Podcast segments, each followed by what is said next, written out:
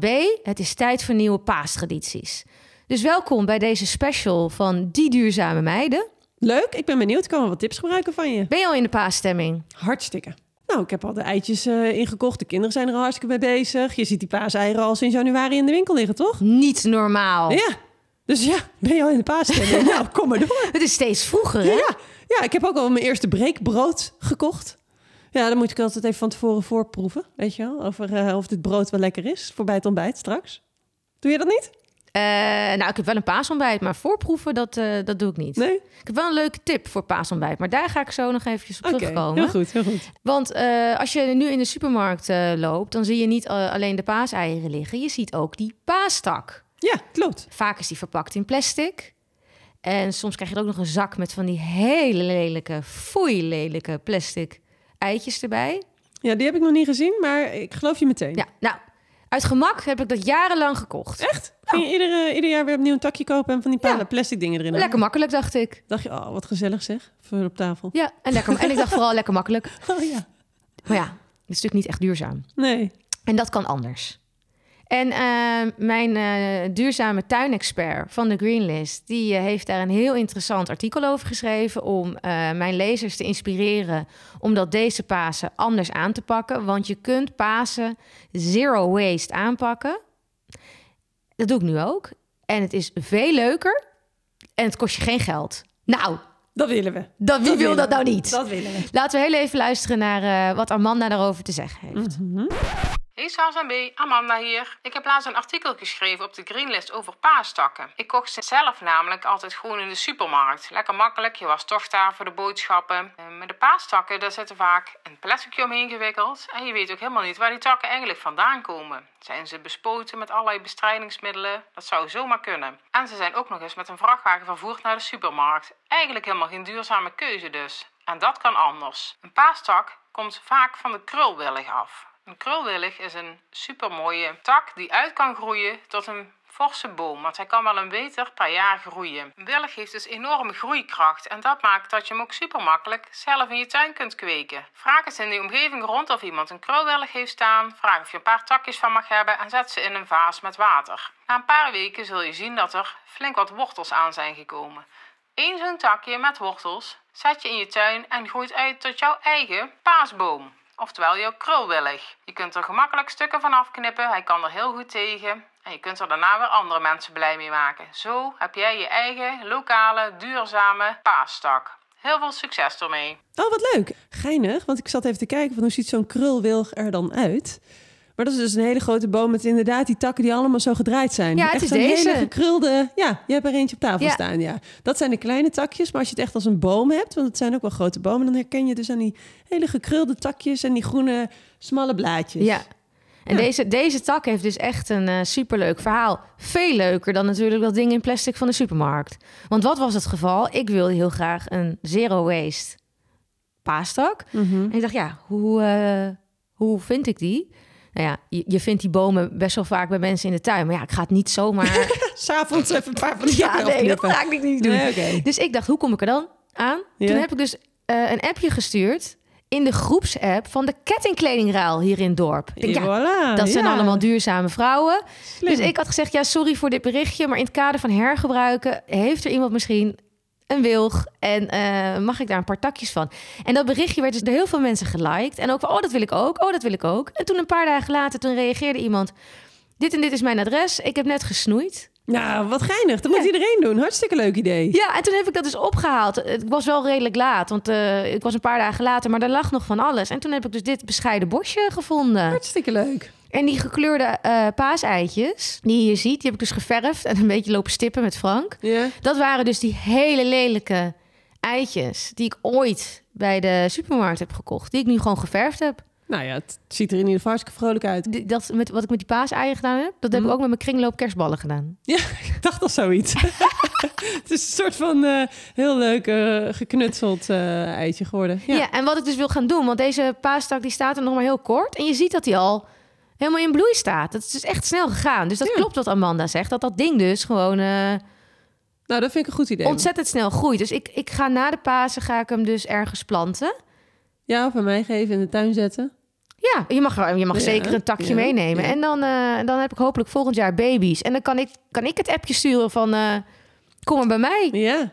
Nou, speaking of dat soort appjes eh, over planten en over takken en zo. Dit heeft niks met Pasen te maken. Maar eh, ik had laatst ook iemand en die gaf mij een laurierblad. eh, of die, een, een stengel met laurierblaadjes eraan. Die had ook de tuin gesnoeid. Maar dat is dus ook super. Want dat- ik dacht echt van, hé, hey, ideaal. Want dan heb je zo'n verse tak. Die zet je gewoon even in de keuken neer. Dat droogt vanzelf, die blaadjes. En dat heeft zoveel meer smaak voor in eh, sausjes of wat dan ook als je ermee aan het koken bent, dan dat je gewoon het uit de supermarkt koopt. Wat ontzettend leuk. Ja, Ja, dus nou, het hergebruiken van eh, kruiden of van takjes of wat dan ook. Ja, heel geinig. en, en dat is natuurlijk ook heel erg lente, want nu gaat alles weer in bloei staan. Ja. Kijk, je kan ook bij mij zien, als je nu naar buiten kijkt, B. Ik heb dus een eh, moestuintje. Nou, die is dus echt helemaal mislukt. Ik werd helemaal lijp van die slakken. Ja, daar zijn ook allemaal trucjes voor. Hè, Nou, niks hielp. Niks nee, hielp. Dus uiteindelijk- en zo. Het enige wat hielp, waren mijn, mijn kruiden, want die werden niet aangevreten. Oh. Gek genoeg. Vonden ze dit niet lekker? Ik weet het niet, maar dus toen zei David, weet je wat, we maken er gewoon een kruidentuin van. Slim. Dus dat is heel leuk. Dus wij hebben nu straks in de lente een kruidentuin en er, staat, er groeit dan van alles in waarmee je kunt koken. Ja, heerlijk. Ook veel munt voor de thee.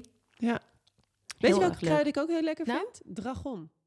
Ja. Heb je die wel eens gebruikt? Eh, Back to Pasen. Nou, dus in ieder geval, ik, eh, ik vond het zo'n leuk idee van die Zero Waste paastak. En ik merk dat als ik dus ehm, dit tipje deel met anderen, dat iedereen erop aangaat. Dus ik Ja. dacht, laten we er even een special over maken. Stel je voor dat je dit nog op tijd eh, hoort. Dan kun je misschien nog dit doen voor dit jaar. En anders onthoud hem.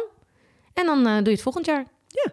hey, en nog heel even over paastradities. Want ik heb zo'n super lekkere tip die ik nog even wil delen voor het paasontbijt. In plaats van roerei, probeer eens zijde tofu. Ja, het is echt heel lekker. Dat moet je echt proberen. Weet. Echt, het heeft de structuur van een En waar vind ik het? In de supermarkt gewoon? Of Ja, in de betere, su- ja, betere supermarkt. De Hmm. Ecoplaza heeft het bijvoorbeeld, maar bijvoorbeeld mijn eh, Jumbo heeft het alweer niet. Nee. En Maar- het heet zijde tofu. Zijden tofu. En het heeft dus de structuur van roerei. En het is super lekker. En dan bak je dan met een uitje en een champignonnetje. En misschien wel een lente-ui, tomaatje, curry, kurkuma. Nou, alles wat je er Zo- Zo'n eh, dragonnetje er doorheen. Dragonnetje er doorheen, hebben we net geleerd. En je hebt gewoon je eigen veganistische ei. Oh? Ja. Nou. Nou, hey, eh, Ik, ik heb trouwens nog wel altijd... eh, ik gebruik wel altijd die van Daan Rol, die kleine croissantjes. Dat is wel altijd de hit. ja, je zegt gezellig, hè? Ja, dus dat je gewoon zelf je croissantjes gaat eh oprollen. Maar die zijn volgens mij niet vegan. Maar Nee. niet dat dat uitmaakt, maar eh, als je veganistisch bent, dan eh, denk ik niet dat die Ja, voldoet. kan je dat dan inderdaad? Goeie vraag. Nee, ik denk het niet. Ja, misschien ook wel. Ik weet het eigenlijk niet. Nee, ik denk het niet. Brood is toch altijd vegan? Nee. Brood is altijd vegan, heb ik Mm. geleerd van mijn bakker. Ja? Mijn bakker Ja, bij jouw bakker. Maar volgens Nee, mij hoeft brood niet altijd vegan te zijn. altijd. Dit gaan we opzoeken. Nee, het is vegan. ja. nee, het is vegan. Nou, ik heb het maar meteen even uitgezocht. En eh, B, ik denk dat jouw bakker gelijk heeft als het gaat om zijn brood of haar brood. Want eh bruin brood en volkorenbrood is inderdaad vaak veganistisch. Eh, verder lees ik dat eh, brood uit de biologische winkel van een bakker vaak eh, vegan is. En dat supermarktbrood dat niet altijd is. Zie je, dat had ik onthouden. En verder kan er bijvoorbeeld dierlijke boter, melk, kwark of broodverbeteraar in je brood zitten of in je bolletjes. En die broodverbeteraars die worden weer gemaakt van kippenveren of varkensharen. En eh, dat zorgt er weer voor dat de broden beter rijzen, of er beter uitzien, of langer goed blijven, of lekker soepel blijven. Eh, nou, wil je dat allemaal niet? Wil je geen broodverbeteraar in je brood hebben? Dan moet je even de ingrediëntenlijst checken. E E920L-cysteïne. Nou ja, die moet je dan dus vermijden. Oh ja, en in zachte broodjes, zoals witte bolletjes, hamburgerbroodjes, krentenbollen. Nou, daar zit dus vaak melk of melkpoeder in. Dan nog heel even over die Dade Rolls. Ik heb dat even gecheckt bij Bonus Vegan. Eh, zij schrijft over veganistisch eten. En de minis van Dade Rolls, die zijn dus wel vegan. Maar de gewone dus niet. En ze heeft een, eh, op haar website ook een lijstje met afbakcroissantjes die dus eh, veganistisch zijn. Bijvoorbeeld wat ik hier dus zie, is dat die van de Jumbo, die zijn dus ook veganistisch. Maar dus niet al die rolbare croissantjes zijn veganistisch. Nou, ik hoop dat ik het een klein beetje heb opgehelderd. Volgens mij hebben we gewoon allebei gelijk. hey, en nog een laatste tip. Ehm, eh, als je eten wil redden, dan is dat ook na de Pasen ook het moment. Heel goed dat je die er nog even in gooit. Toch? Dat is inderdaad het moment. Ja, Ja. eh, want eh, wie- vaak heb je heel veel producten te koop die hebben dus paasbranding. Ja. En dat kan zijn inderdaad de paaseieren natuurlijk. Of gewoon eh, producten die dan, weet ik veel, iets paasachtigs op de verpakkingen hebben staan. En natuurlijk die enorme vleesschotels. Ja. Vaak is dat met gevogelte, die eigenlijk stiekem best wel lekker zijn. En, maar ook heel, heel kostbaar en niet per se duurzaam. Maar een ander verhaal is het natuurlijk als je dat kan redden, omdat het anders weggegooid wordt. Dus mijn tip, ga na de Pasen of zelfs tweede paasdag een uurtje voor het sluiten van de supermarkt. Dus maandag 10 april rent iedereen naar de supermarkt. Ja, aan het einde van de dag. En als het dan nog niet in de uitverkoop eh, is, dan zou ik 11 april even proberen. Ja, dan zeg je, joh, waar blijft die sticker? 35% korting. Ja, precies. Nou, succes. Fijne paas allemaal. Ja, fijne Pasen. En ik hoop dat je deze special leuk vond. Eh, wij zijn natuurlijk een podcast die eh, never ending is. Dus heb je nog leuke tips voor de Pasen? Of voor andere feestdagen? Laat het weten.